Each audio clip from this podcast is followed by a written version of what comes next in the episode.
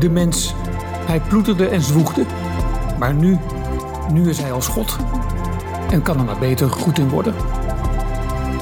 Dit is het tijdperk van de mens. Welkom in het Anthropoceen. Kernafval is al tientallen jaren een struikelblok in ieder gesprek over kernenergie. Volgens critici en twijfelaars laten we een giftige erfenis achter voor toekomstige generaties. Maar er is een voor de hand liggende oplossing voor kernafval. Een oplossing rechtstreeks uit het handboek van de milieuactivist: recycling. En vergis u niet, als we kernafval hergebruiken, is de potentie enorm. In de huidige voorraden kernafval in Europa zit genoeg energie om Europa nog honderden jaren CO2-vrije elektriciteit te leveren. Dat is een van de bevindingen uit Water Waste, het rapport dat we met Replanet deze week hebben uitgebracht. En in deze podcast van Replanet Nederland en ecomodernisme.be gaan we praten over hoe we kernafval kunnen omzetten in CO2-vrije energie door het te hergebruiken in nieuwe kernreactoren. En dat gesprek doen we met Joris van Dorp, een van de auteurs van Water Waste. Joris, hartelijk welkom. Hi Marco, leuk uh, om hier weer te zijn. Zeker, hier weer te zijn. Je bent uh, terugkerende gast. Hè? Je hebt eerder uh, hebben we een podcast opgenomen over kernenergie. Later eentje over de energiecrisis en wat Europa daar wel en niet aan, aan moet doen. Je bent engineer in de bouwsector en ja, onze energie-expert. Ja, een beetje wel. Nou, ik ben niet de enige natuurlijk, maar ja, ik, ik, vind het een fascinerend onderwerp waar ik me eigenlijk al mijn hele werkzame leven in, in verdiep. En ja. er is van alles over te zeggen, dus ja. dat doe ik graag. En je, hebt nu meegeschreven aan een rapport um, dat onder leiding van Mark Linus, onze Britse collega van Replanet, uh, tot stand is gekomen. Een rapport over het hergebruik van kernafval. Um, wat is de belangrijkste boodschap van water waste? Ja, nou ja, wij proberen eigenlijk een onderwerp onder de aandacht te brengen dat, dat al heel lang speelt. Al heel lang bekend is. Namelijk, wat doe je nou met uh, radioactieve materialen? Uh, die dan, die dan uh, als, als kernafval bekend staan. Dus dat, dus onze, en onze belangrijkste boodschap is, je moet die materialen natuurlijk zo goed mogelijk uitnutten. Want die radioactiviteit, die, die is er. dus je kunt er maar beter goed gebruik van maken. Mm -hmm. Dat is de eerste boodschap. En, en de tweede boodschap, het heugelijke eigenlijk, is dat dat kernafval, daar zit nog gigantisch veel energie in. Echt immens veel. veel meer energie in het afval zit er in het afval dan de energie die überhaupt uit, uitgehaald is voor uh, de productie van stroom. Mm -hmm. Uh, dus die, die twee boodschappen willen we eigenlijk, uh, willen we eigenlijk brengen. Ja. Dus, dus, hè, dus je kunt dan een last, wat als een last ervaren wordt, kun je eigenlijk omzetten in een, in een, in een ja, in een gunstig iets. Ja. Ja, het is eigenlijk het principe van een, een circulaire economie, hè, waarbij je afval gebruikt als grondstof voor weer iets, iets nieuws. En dat is mogelijk in een bepaald type reactor. Uh, waarvan ook uh, ja, de techniek daarvan is bewezen. Ook al worden ze nog niet op zo'n manier ingezet dat kernafval ook uh, daadwerkelijk wordt, wordt hergebruikt. Ja, nee, dat klopt. Nee, het principe is wel bewezen. Hè. Er in, verschillende landen hebben deze zogenaamde gesloten brandstofcyclus wel, wel, wel bewezen. Ook op een aanzienlijke schaal. Dus echt op industriële schaal ook wel. Maar het, is, het wordt nog niet breed toegepast. Nee, eigenlijk, eigenlijk nauwelijks. Mm -hmm. Eén of twee reactoren draaien nu wereldwijd, waar het wel, uh, die, die daar wat om staat. Ja. Het, is nog niet echt, het is nog niet echt van de grond gekomen. Ja, ja. In deze podcast gaan we een aantal dingen doen. We moeten natuurlijk duidelijk krijgen wat kernafval nou uh, precies is en waar dat uit bestaat en waar is het op dit moment.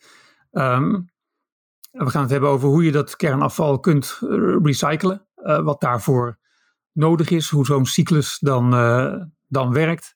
Uh, dus we gaan het hebben over de snelle reactoren, want zo heten ze. Uh, daar is ook een geschiedenis van met prototypes in een aantal landen. Nou, die zijn niet allemaal doorgezet. Daar gaan we het ook over hebben, waarom dat dan is. Um, en we moeten natuurlijk hebben over wat de gevolgen hiervan zijn voor de huidige plannen om dat kernafval diep onder de grond uh, te stoppen in, in geologische lagen. Um, eerst, nou laat ik nog vertellen dat het rapport ook beschikbaar is in het Nederlands. Het heet nog steeds Water Waste. En het is beschikbaar op onze website replanet.nl. De, de Engelstalige versie is te vinden op onze Engelse website, replanet.ngo. En als u daar dan slash waterwaste achter zet, dan komt u op een pagina waar we ook filmpjes hebben en ook meer duiding over, um, over kernafval. Um, kernafval, wat, um, Wat is dat eigenlijk? Het is ehm, natuurlijk het restmateriaal uit een kernreactor. Het komt ook uit de industrie voor een deel, uit ziekenhuizen. Maar als we het nu concreet hebben over, de, over kernreactoren, wat verstaan we dan onder kernafval? Ja, wat verstaan we onder kernafval? Ja, de, de definitie is, uh, is eigenlijk uh, vrij makkelijk te begrijpen. De definitie van kernafval is eigenlijk uh, ieder materiaal dat radioactief is, waarvoor ten eerste geen, geen doel meer is, waar geen, wat niet, waar geen gebruik meer voor voorzien wordt. Hm. En twee, wat zo radioactief is dat het, dat het niet onder de vrijgave, de vrijstellingsgrens valt. Dus dat, het niet, dat je niet zomaar mag weggooien. Ja. Daar is, een grens voor gesteld. En, dus, en, en, dan gaat het om een, om een heel breed scala aan, aan producten. Dat gaat echt om, de, om splijtingselementen uit de reactor. Maar het gaat volgens mij ook om de uh, haarnetjes zeg maar, van personeel dat in een reactorgebouw uh, rondloopt. Ja, ja zeker. Ja. Ja, je hebt allerlei soorten afval inderdaad. Dus uh, aan de ene kant van het spectrum heb je gewoon echt gebruikte brandstofstaven, bij wijze van spreken. Aan de ene kant, dat is hoog radioactief natuurlijk, grote hoeveelheid radioactiviteit, wel geconcentreerd. En helemaal aan de andere kant van het spectrum heb je inderdaad uh, ja, stofjassen of pipetjes of materialen uit research, maar ook materialen uit nucleaire geneeskunde heb je daar. je hebt ook heel veel zogenaamde normmateriaal. dat zijn naturally occurring radioactive materials. Dat zijn gewoon van nature radioactief materiaal wat uit de chemische industrie komt of de mijnbouw, de petrochemische industrie. Mm -hmm. Uh, dat zijn ook hele grote volumes, maar niet zoveel radioactiviteit. Dus, dus je hebt dan. Wat je, wat je hebt in, in, in, in, in, het, in het kernafvalbeeld heb je eigenlijk aan de ene kant hele radioactieve materialen. En dat zijn hele kleine volumes, een paar kubus ja. uh, per jaar. En aan de andere kant van het spectrum heb je hele grote volumes, heel veel kubus. En, uh, en die zijn niet zo radioactief. en die zijn ook, ja, die hebben ook vaak niks met de kernenergie-industrie te maken. Nee, en, en dat is dan eigenlijk laag radioactief materiaal waar we het dan over hebben. En dat kan volgens mij, uh, wordt op dit moment in, in de gewone verbrandingsovens toch ook uh, uh, gestopt, ja. niet? Nou, er zijn allerlei, er zijn allerlei manieren om die, al die verschillende soorten afval te goed te verpakken. En ieder afval heeft weer zijn eigen ideale manier om te verpakken. Mm -hmm. En voor sommige materialen is verbranding inderdaad het beste, want dan kun je het in het as concentreren en dan wordt het volume kleiner. Ja. Andere materialen die worden gewoon samengeperst, letterlijk samengeperst. Weer andere materialen worden in beton gestort. Weer andere materialen worden omgesmolten en in uh, glas uh, verpakt. Ja. Uh, ja, van alles nog wat. En dat, ja, dat, dat, dat hoort dus ook gewoon bij een moderne samenleving. Hè? Dus een moderne samenleving die genereert gewoon radioactief afval. Omdat het gebruik van radioactiviteit in de medische wetenschap, maar ook in de industrie en in, in, in onderzoek, dat, dat, dat, dat, kun je, moet je gewoon doen. Want die, eh, dat zijn bepaalde tools, bepaalde technologieën waar we heel, veel nut, heel veel nut aan hebben. Ja. ja. En, en we kunnen nu praten over hergebruik, eventueel hergebruik van kernafval. Omdat kernafval gewoon uh, solide is, zeg maar. Dat, dat, dat, wordt ergens bewaard. Het gaat niet de lucht in of de bodem in of, of, of, het water in. Of zoals bij een kolencentrale natuurlijk alles zomaar de, de atmosfeer in wordt, uh, wordt gestoten. Kernafval is gewoon spul. Dat is ja, dat wordt zorgvuldig bewaard. Dus daar, daar kunnen we iets mee. Ja, ja, bijna per definitie. Uh, alle, alle, alle stoffen die als kernafval bekend staan, worden inderdaad uh, geborgd. En uh, daar ziet de staat op toe. Mm -hmm. Automatisch. Dat is per definitie wat. wat ja.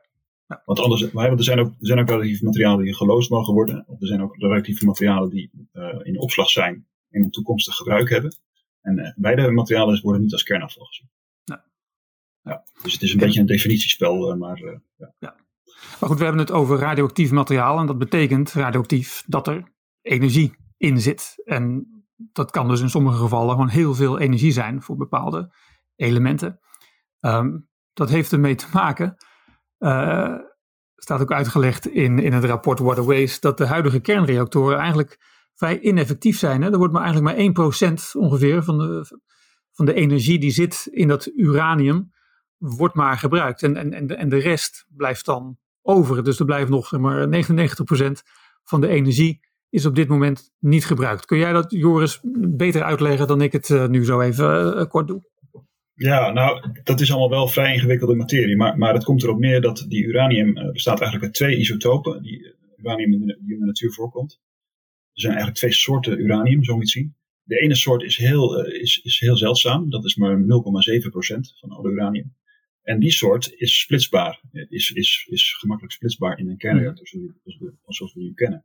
En het andere deel, 99,3 procent, uh, die is niet zonder meer splitsbaar. Daar heb je een andere handeling voor nodig en uh, een ander soort reactor om dat splitsbaar te maken. En daar maken we op dit moment nog, nog geen gebruik voor. Van. Dus dat, is, mm -hmm. dat, dat, zijn dus die, uh, die kweekreactoren, waar we straks nog gaan komen natuurlijk. Ja. maar, maar het feit is dat die 99% uranium, waar we nu eigenlijk niets mee doen, daar zit net zoveel energie in als de, die fractie die dus wel bruikbaar is als splijtstof. Dat, ja. is, dat is een heel belangrijk punt. Ja. ja, en ons, in, in ons Water Waste Report zeggen we natuurlijk van ja, uh, wat, wat gaan we met die 99% doen? Dat, dat is nuttig materiaal, dat ligt daar maar te liggen. Mm -hmm. Waarom zouden we dat niet gebruiken als brandstof voor kernreactoren? Ja. ja. En hoe, hoe zou zoiets werken? Hoe kun je kernafval recyclen?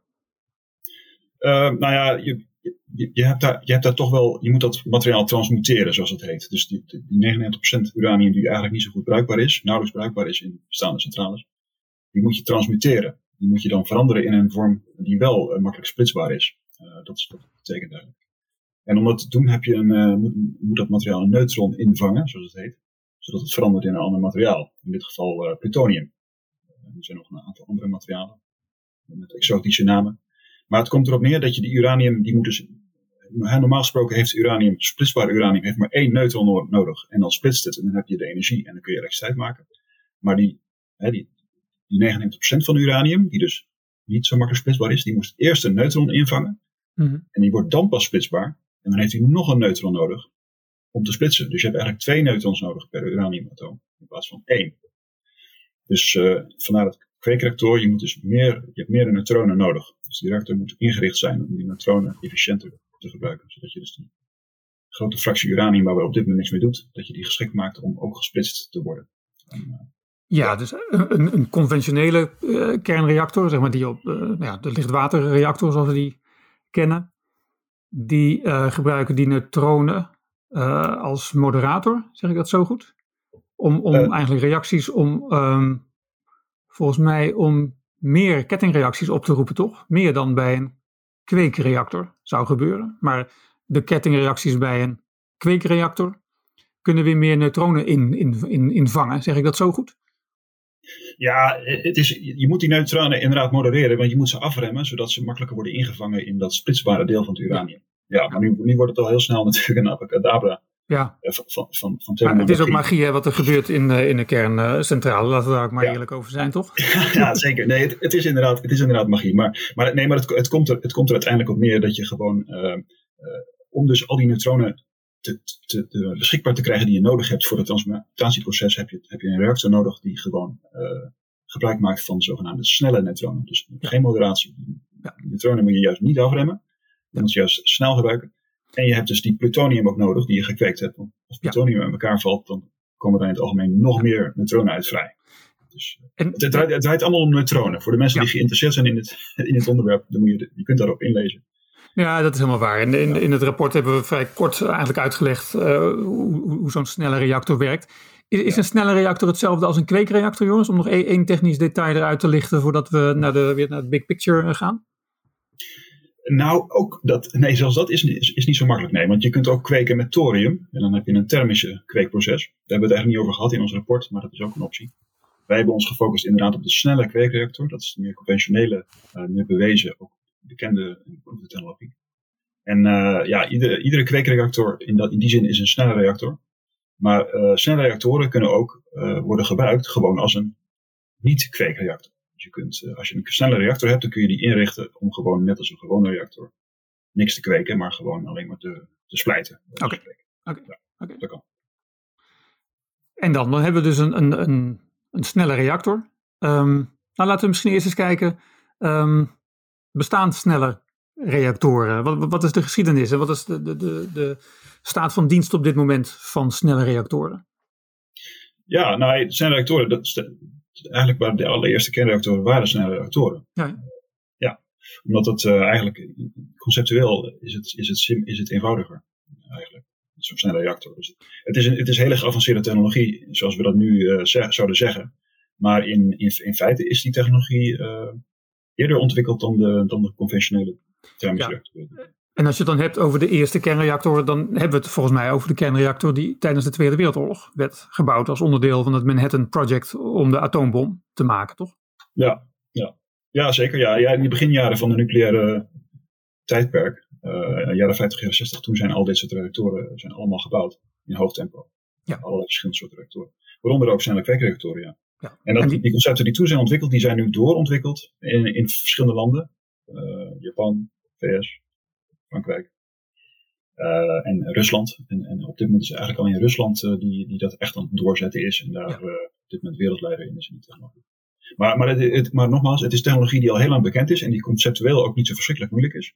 Ja. Er zitten natuurlijk wel allerlei, allerlei nuances in. Maar het is technologie die goed bekend is. En dus er zijn geen, er zijn geen wat dat betreft geen onbekende in, in, die zin. Dus je kunt daar gewoon mee aan de slag met die technologie. Ja.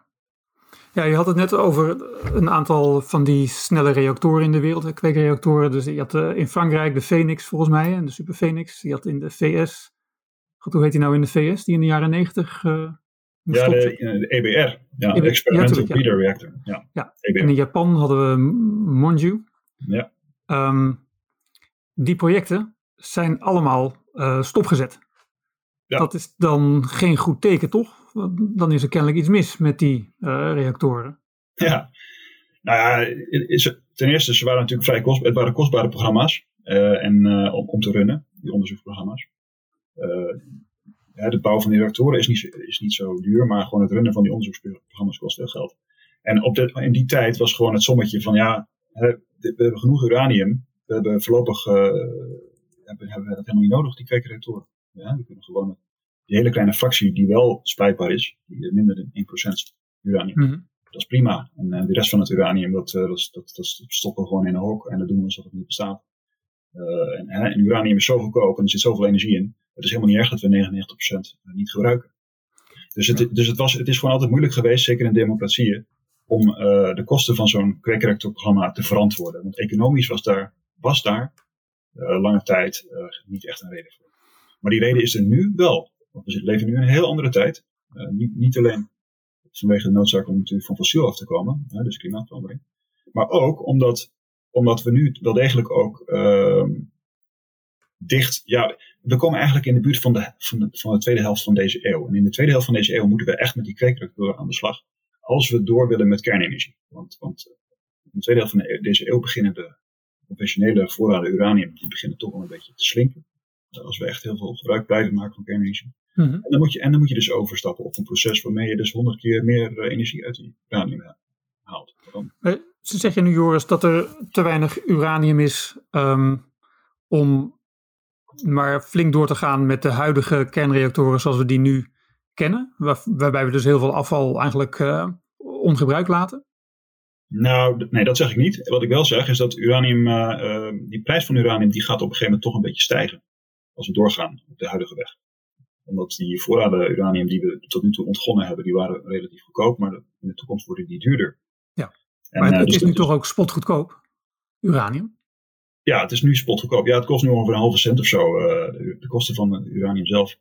Dus zelfs als, als uranium opeens tien keer over de kop gaat, dan ja. is uranium toch nog altijd niet een hele dure grondstof?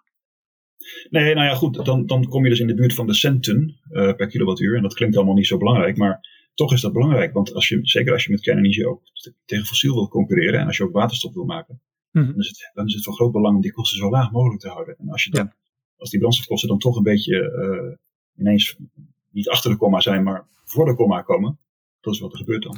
Ja, dat, dat, nou, dat, ik, wil ook geen pleidooi houden om door te gaan op de voet waar, waar we zijn, uh, zijn begonnen, daar niet van. Maar volgens mij is er wel heel veel uranium beschikbaar op de wereld. En het is ook beschikbaar op allerlei plekken ja. in de wereld. En het is goedkoop. En je hebt er niet heel veel van nodig. Nee. Maar ik kan me ook voorstellen, liever willen we geen of zo min mogelijk mijnbouw. Uranium, ja, welke mijnbouw je ook doet, voor, welke grondstoffen ook. Het is natuurlijk nooit, uh, het levert altijd schade op voor de natuur. Ja, ja. Nee, dat klopt. Dat, dat is ook waar. Maar goed, ja, het huidige plan om dus de uranium allemaal maar weer onder de grond te stoppen waar het vandaan kwam, dat is op zich ook, technisch is dat op zich, economisch is het ook op zich uh, te verantwoorden. Dat zou, zou je kunnen doen. Um, uh, Maar, maar is, Jij bedoelt nu, jij bedoelt nu het, het- het kernafval onder de grond stoppen? ja, De, de, de huidige plannen die er nu zijn om het in diepe geologische eh, lagen te stoppen. Precies. Dus al dat, al dat materiaal wat dus, wat dus eh, boven die vrijstellingsgrens valt, waarbij, waarvan de overheid zegt dat mag je niet zomaar eh, dumpen. Eh, en al dat, de- al dat materiaal zou dan uiteindelijk ondergronds moeten worden opgeborgen. Mhm. Terwijl, terwijl een groot deel van het materiaal, namelijk al die uranium, al dat verarmde uranium, Ja. wat, is eigenlijk, wat is eigenlijk niet gebruikt. Ja. Dat We gaan, we gaan straks nog even hebben over die plannen voor de geologische eindberging en, en hoe recycling eigenlijk al die plannen gewoon flink kan dwarsbomen uiteindelijk. Ehm Joost, kan je Ja. iets meer vertellen over hoeveel energie nu eigenlijk op, eh, uit eh, eh, kernafval kunt halen wanneer je het gaat gebruiken in snelle reactoren? Hoeveel energie? Ja, nou ja, er is, er is, een, er is een handige vuistregel. Eh 1 ton, één ton kernafval in de vorm van plutonium of, of, of andere, andere hogere actinides zoals het heet. 1 ton van het materiaal, of verarmd uranium, 1 ton kan ongeveer 1 gigawatt eh, jaar leveren. Dus 1 gigawatt, en dat is ongeveer één grote kerncentrale. Ja. Een jaar lang. 1 ton. Dus dat, dus dat, dus dat is heel veel. Ehm, eh, ja, hebben, we hebben we in, in Nederland hebben wij bijvoorbeeld 48.000 ton eh verarmd uranium bij Urenco. Eh, en dat, daarmee kan je dus 48.000 jaar lang een kerncentrale eh, in bedrijf houden. Eh, of, of, 48, of 48 centrales, duizend jaar lang. Dus Ja, dat is precies. gigantisch Ja. veel. Ja. Dat is echt immens veel. We hebben een, eh, we hebben een sommetje gedaan met, met Replanet. Hè? Ehm, ik zoek het even hierop. Dus 48.000 ton herbruikbaar nucleair materiaal. Ehm, stel dat je met 1 ton inderdaad eh, ongeveer één jaar lang een kernreactor van 1 gig kan laten draaien. Dat is 1 gig is ongeveer wat inderdaad ehm, ja, gemiddelde kernreactor nu doet. Eh, bij, bij de huidige vraag naar energie. En dan noemen we dus elektriciteit, maar ook eh, warmte, gewoon alle energie. Stel nou dat die huidige vraag naar energie gelijk zou blijven. En stel nu dat alle energie zou komen van snelle reactoren, waarin we die 48.000 ton zouden stoppen. Dan is dus die huidige voorraad kernafval in Nederland, kan Nederland ehm, duizend jaar lang voorzien van CO2-vrije energie. Het, is, het is toch te bizar, dit. Ja, dit is echt geweldig. Ja. Ja. Het is echt ongelooflijk. Voor heerlijk. Europa zitten we ongeveer op, de, ja, dan zit je op dezelfde cijfers. Het is, Ja, kijken dezelfde- dat, heeft allemaal te- dat is allemaal die factor 100. Hè? Dus, dus het feit dat we nu maar ongeveer 1% van het uranium gebruiken. Ja. Dat betekent dus dat alle centrales die we op dit moment gebruiken. eh, dat, we dat, dat je dat keer factor 100 kan, kan doen. Ja. Met dezelfde, met dezelfde eh, uraniumverbruik als wat we nu hebben. Zonder dat het uraniumverbruik wat we uit mijnen halen stijgt. Ja. Zo moet je het zien. 100 keer. Dat blijft zo verbazingwekkend hè, dat er gewoon zoveel energie verborgen zit in eigenlijk maar zo'n geringe hoeveelheid eh, massa waar we het over hebben. Dat is echt geweldig, ja. En we kunnen dat natuurlijk heel goed gebruiken. eh, al die energie. Want we hebben, we hebben zo'n taak voor ons liggen. Met de klimaatverandering en met de circulaire economie. Ja, we willen natuurlijk ook heel veel materialen gaan recyclen. Ja. Eh, dus, dus niet, ik hebben het niet over kernafval, maar gewoon überhaupt afval willen we gaan recyclen. Nou, het recyclen van afval kost ook energie. Ja. Eh, dus we hebben heel veel energie nodig. En, en als we die nou gewoon eh, betrouwbaar, compact eh, kunnen opwekken zonder dat we daar mijnbouw nodig hebben, ook nog eens voor die energie Mhm. dat is natuurlijk de belofte. Dat is Ja. wat mensen als ik heel, heel interessant vinden. Als aanpak van, van, die, van, van het klimaat en het energieprobleem. Nou ja, en dat lijkt me een behoorlijk voordeel dat je geen nieuwe mijnbouw meer nodig zou, zou hebben. Dat we op deze manier ook de, het afvalprobleem natuurlijk eh, op termijn kunnen, kunnen oplossen.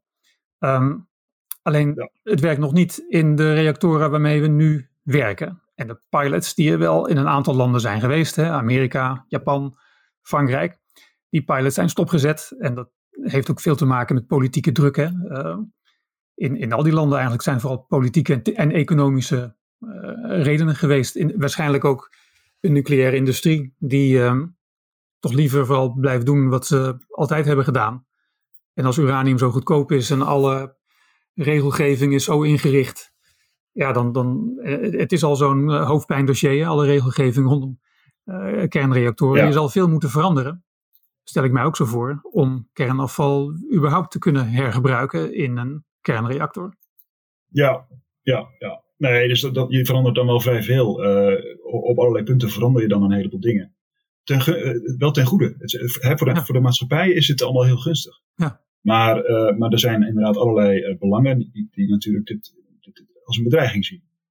En dat heb je natuurlijk altijd. Dus, dus, dus nou ja, goed, dit is typisch iets waar de overheid een hele belangrijke rol moet spelen. Die overheid moet eigenlijk helder schetsen over waar ze nou precies naartoe wil.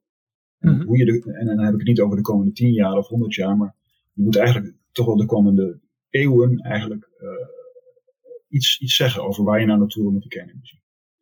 En dat moeten we ook doen met die. Met, sowieso moeten we dat doen, want als we kernafval ondergronds gaan opslaan, dat is ook een traject waar je wel uh, een paar honderd jaar uh, mee bezig bent misschien. Ja. Voordat je dat allemaal echt kan vergeten. Dat het echt helemaal opgeborgen is. Dus kernenergie is gewoon een lange termijn uh, plan. En je moet, je, moet, je moet je de vraag stellen als politiek: van zetten we die knop aan of uit?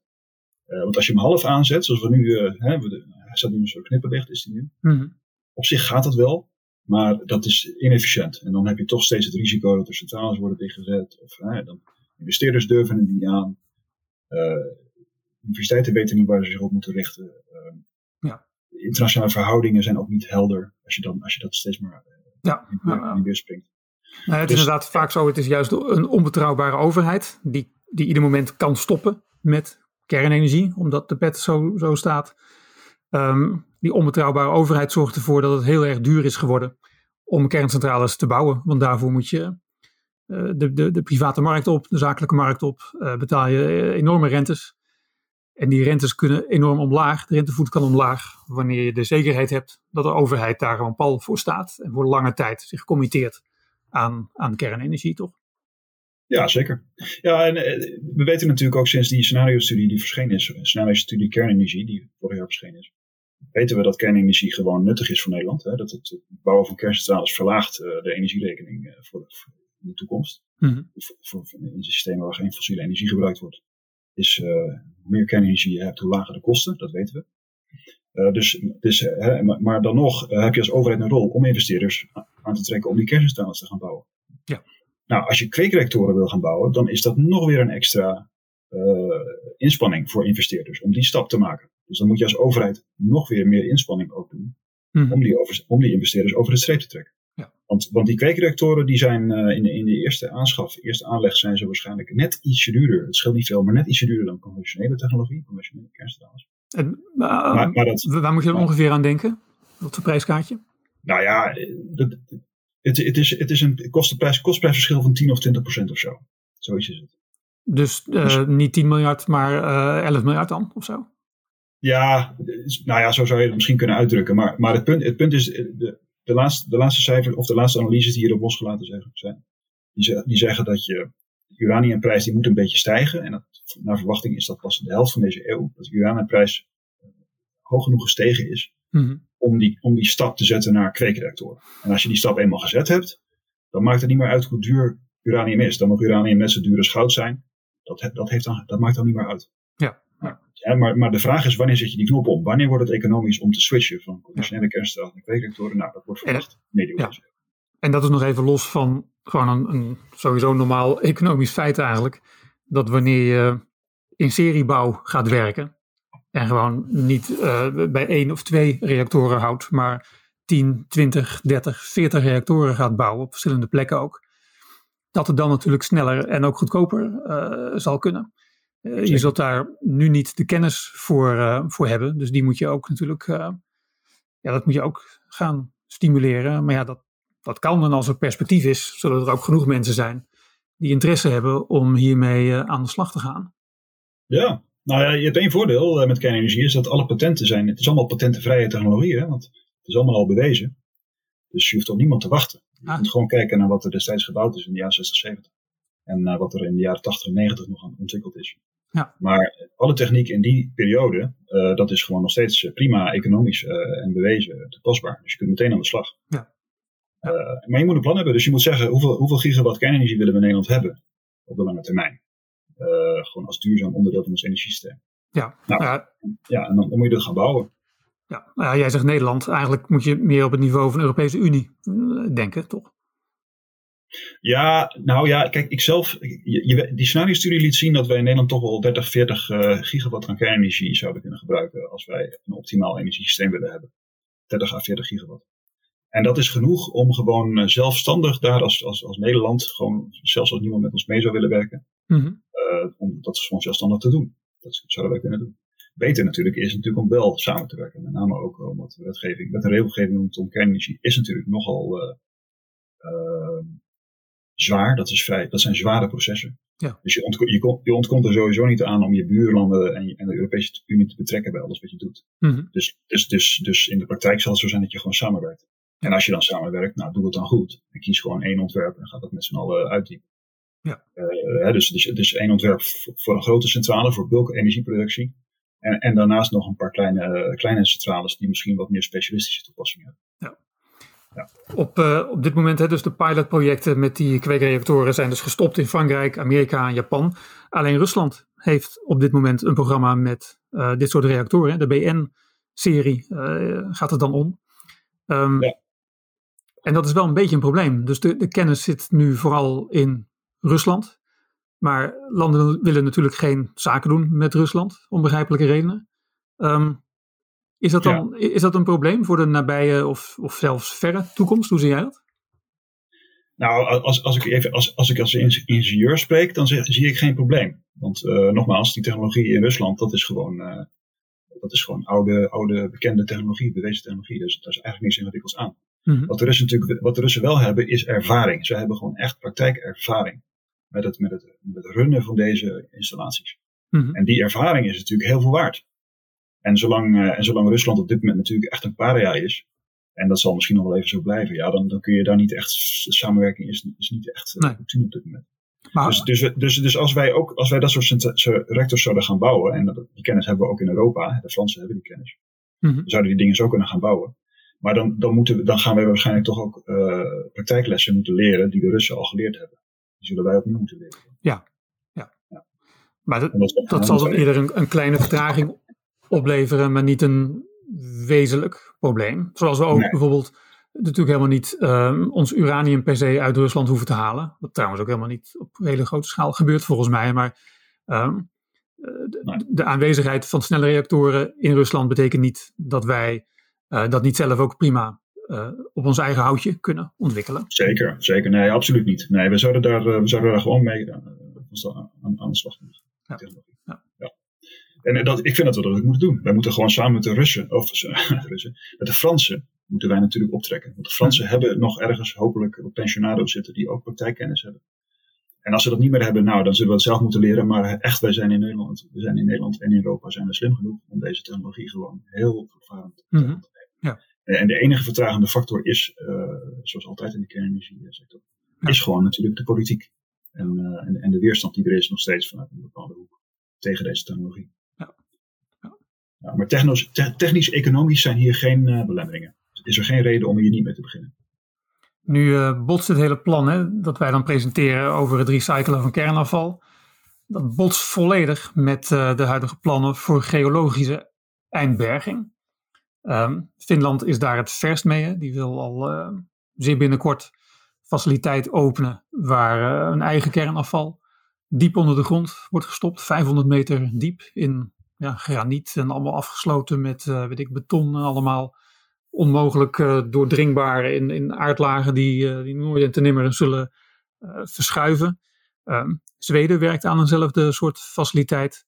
Um, veel andere landen, uh, landen gaan er ook vanuit dat uiteindelijk hun kernafval ook diep onder de grond moet worden uh, gestopt. In Nederland hebben we het over de, ja, de boomse klei die wij hier uh, hebben. Um, die plannen zijn natuurlijk voor een deel altijd op, ja, steeds verder vooruit geschoven naar de verre toekomst. Um, maar intussen zijn, de, zijn ze Scandinavië dus al flink bezig. Um, die geologische eindberging, is, is dat nog wel nodig als we kernafval gaan, uh, gaan gebruiken als uh, grondstof voor, uh, voor nieuwe kernenergie? Ja, dat is een hele goede vraag. En het antwoord, het antwoord is natuurlijk ja. Die, die geologische berging die is altijd nodig. Dat is wat, er, wat je ook terugziet in alle stukken. En dat is ook de reden waarom, waarom tegenstanders zeggen dat het geen zin heeft om kweekreactoren te bouwen, omdat je toch die opberging berging nodig zou hebben. Maar als je goed kijkt naar wat nou de motivering is, zoals ook in het uh, Nationaal Programma Relatief Afval van Nederland, wat is nou, wat is nou de motivering van die diepe berging? De motivering is natuurlijk dat als je tijdelijke opslag hebt, dan, moet je dat, dan, dan, dan, dan heb je daar doorlopend kosten aan. En in, het, in de tijd, over een periode van honderden jaren, is dat duurder dan wanneer jij dat afval ondergronds opslaat met een zogenaamd passief, uh, beheerssysteem. dat je dus passief is, dat er geen mensen naar op hoeven te letten. Mhm. Maar, maar de grap is natuurlijk, als jij besluit als land om gewoon kernenergie duurzaam te blijven gebruiken, dan, dan, dan, is het natuurlijk, dan kun je ook gewoon duurzaam bovengronds blijven opslaan. Dus die, die geologische berging, en, en uh, dat is natuurlijk een beetje controversieel wat ik nu zeg, niet iedereen is het met me eens hoor. Hm. Maar, die, maar die geologische berging, die, heb ik, die zie ik nog steeds als een, als een artefact eigenlijk van, dat, van, het, van, het, uh, van, de, van de onuitgesproken mores eigenlijk dat we vroeg of laat willen stoppen met kernenergie. Want als je echt stopt met kernenergie, hm. dan moet je een diepe geologische berging doen. Maar als je van plan bent om eeuwig door te gaan met kernenergie, net zoals we van plan zijn om eeuwig door te gaan met wind en zon, ja, ja. dan heb je geen geologische berging nodig. Want dan, dan heb je die beheers, uh, infrastructuur die heb je dan gewoon. En dan wordt het nooit duur, want je blijft gewoon altijd doorgaan op de huidige weg. Ja, grappig dat je dat zei. In, in, in, mijn boek uh, Waarom we niet bang hoeven te zijn voor kernenergie, uh, schrijf ik ook over die geologische eindberging alsof het een soort rituele begrafenis is. Natuurlijk. Ja. Dat is wat we doen met de doden. Hè. We stoppen het diep onder de grond en we doen de zand erover. En we kijken er niet meer uh, naar om. En dat is in dit geval volgens mij dan helemaal niet, niet nodig, omdat er nog zoveel energie in zit dat we het beter kunnen hergebruiken. Maar jij zegt dan eigenlijk dat het om, ja, wat is het dan, om politieke redenen toch um, wel door zal gaan, die plannen voor geologische eindberging. omdat je dan toch te weinig vertrouwen hebt dat we het uh, kernafval op een andere manier gaan gebruiken, is dat het? Nee, maar het is echt, het, het, um, nou ja, kijk, voorlopig gaan de dingen gewoon lopen zoals ze lopen. Uh, want, want we zijn nog steeds, als, als mensheid zijn we nog steeds, uh, zitten, zitten nog steeds in de clinch met kernenergie. We zijn nog, we zijn nog geen kernenergie samenleving. Uh, we zijn nog geen hm. kernenergiebeschaving. Een kernenergiebeschaving is een, kern, is een beschaving waarin kernenergie gewoon als normaal geaccepteerd wordt. En, en, dan is het gewoon een industriële activiteit. En dan zouden we al deze discussies nu niet hebben. Maar daar zijn we nog niet. Dus voorlopig moeten we dat idee van die geologische eindberging, dat moeten we gewoon blijven volgen. Want de logica daarvan zoals ik zei, is dat tijdelijke berging, uh, als, je, als je tijdelijk materialen gaat bergen, mm die, honderd, die honderdduizenden jaren uh, relatief zijn, ja, dan honderdduizenden jaren aan beheersmaatregelen is natuurlijk, iedere econoom zal dat beamen, is natuurlijk heel erg duur. En dat is, dat is daadwerkelijk een belasting voor mm toekomstige generaties. Dus wat je dan moet doen, dan moet je natuurlijk ondergronds bergen, want dan heb je die beheerskosten niet op die honderdduizenden jaren. Ja. Maar als jij honderden duizend jaren lang gewoon geniet van het gebruik van kernenergie, dan maakt het natuurlijk niet uit als je daarnaast ook, uh, zoals we nu cover hebben, kun je nagaan. We hebben één klein kerncentraletje in Nederland. En, en die ene kerncentrale die dekt zo ongeveer de hele kosten van uh, onze totale kernenergie uh, of kernafval. ja, het is ongeveer de helft. Hè? Want kernafval in Nederland wordt eigenlijk deels door Borselen betaald en deels door, door, door, de staat en door de andere producenten van nucleair afval. Hm. Maar het feit dat wij met één klein kerncentraletje eigenlijk al nauwelijks merken qua kosten dat we een kernafvalbeheersplan hebben. Dat betekent natuurlijk dat als je meer gebruik van kernenergie gaat maken, dan heb je natuurlijk. En je, en je bedoelt dat de, uh, de kosten van de afvalverwerking al in de prijs, in de stroomprijs zit inbegrepen? Ja, ja. ja nee, kernafval, kernafval wordt natuurlijk uh, ontzettend zorgvuldig bewaard. Er worden kosten nog moeite gespaard. Maar omdat kernenergie zo enorm productief is, zijn de kosten van die, al die beersmaterialen, de kosten per kilowattuur, zijn heel laag. Mhm. dus minder, dan, minder dan 1 cent per kilowattuur. En, uh, en, en dat geldt ook voor medische, de medische nucleaire, nucleaire geneeskunde. Mhm. Dus het afval dat er uit de nucleaire geneeskunde komt, is per patiënt, is dat ook maar een paar euro per patiënt.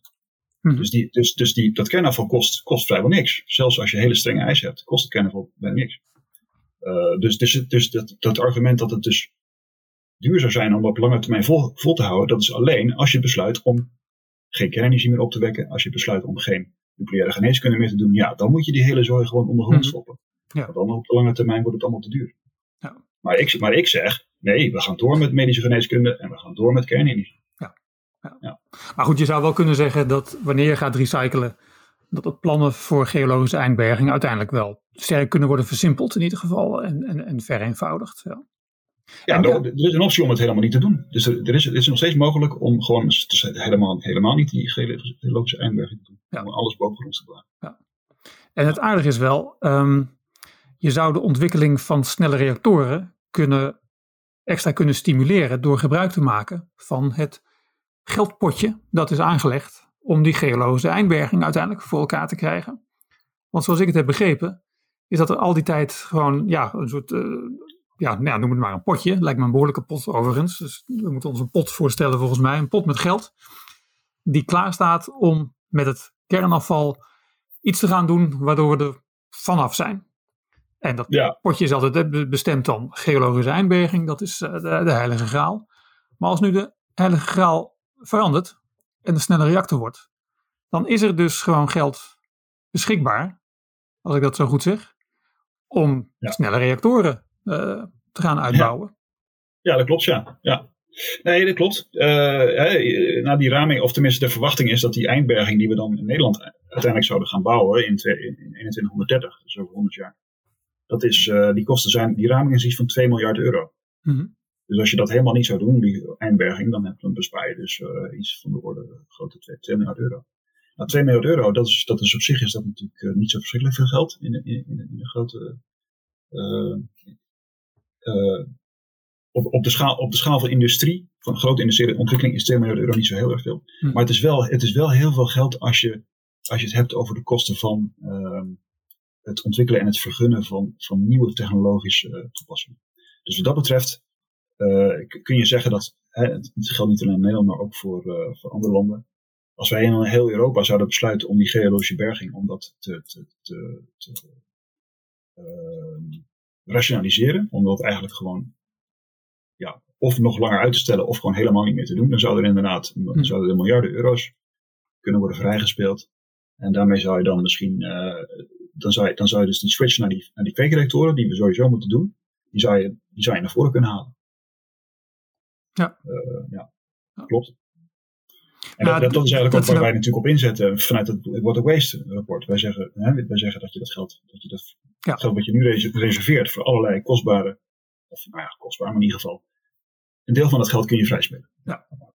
Nee, dat is zeker waar. De, het rapport eindigt met een aantal aanbevelingen, vooral ook aan de politiek, um, om ja, toch ook mee te werken aan ja, regelgeving die hierop aansluit. En, en vergunningsverleningen en, en, dat soort, uh, eigenlijk dat soort saaie zaken. Ja, de kernenergie is een beetje saai geworden. Het heeft heel veel met allemaal regels uh, en procedures te maken uiteindelijk. Ja, het, het is kip en ei. En, uh, die overheid die moet gewoon echt de, leiding, de leiding nemen. De overheid moet het eerste schaap zijn wat over de dam gaat. En die overheid moet echt zorgen dat zo'n zo'n kweekreactor gebouwd wordt en gewoon in bedrijf is. En dan, niet, en dan gewoon we hebben het natuurlijk al eerder gedaan in Europa, en dat moeten we nog een keer doen. Zo'n kalkalcentrale, zo'n Super Phoenix, technologie, die moeten we nog een keer bouwen. En als één van die dingen bouw, gebouwd wordt en alles is gewoon geregeld en het loopt, dan gaan investeerders gaan dat ook, uh, ook gewoon. Mm -hmm. ja. Dat, dat, is, dat, is, uh, dat is zo klaar als een klontje. Want nogmaals, we, we hebben vorig jaar die uh, scenario-studie kernenergie gehad. Dat kwam heel duidelijk uit voort, het Greenfield scenario. Dat, dat je gewoon echt, het is heel simpel, hoe meer kernenergie, hoe lager de kosten van de energietransitie. Mhm. Dus daar, daar doen we het voor. Want we moeten die kosten laag houden, anders dan kunnen we niet, kunnen we in de toekomst niet ons, ons welvaartniveau op peil houden. En, mm dan worden we allemaal heel ongelukkig. Uh, dat. Ja. Joris van Dorp, hartelijk dank voor dit gesprek over water waste. Ja, graag gedaan.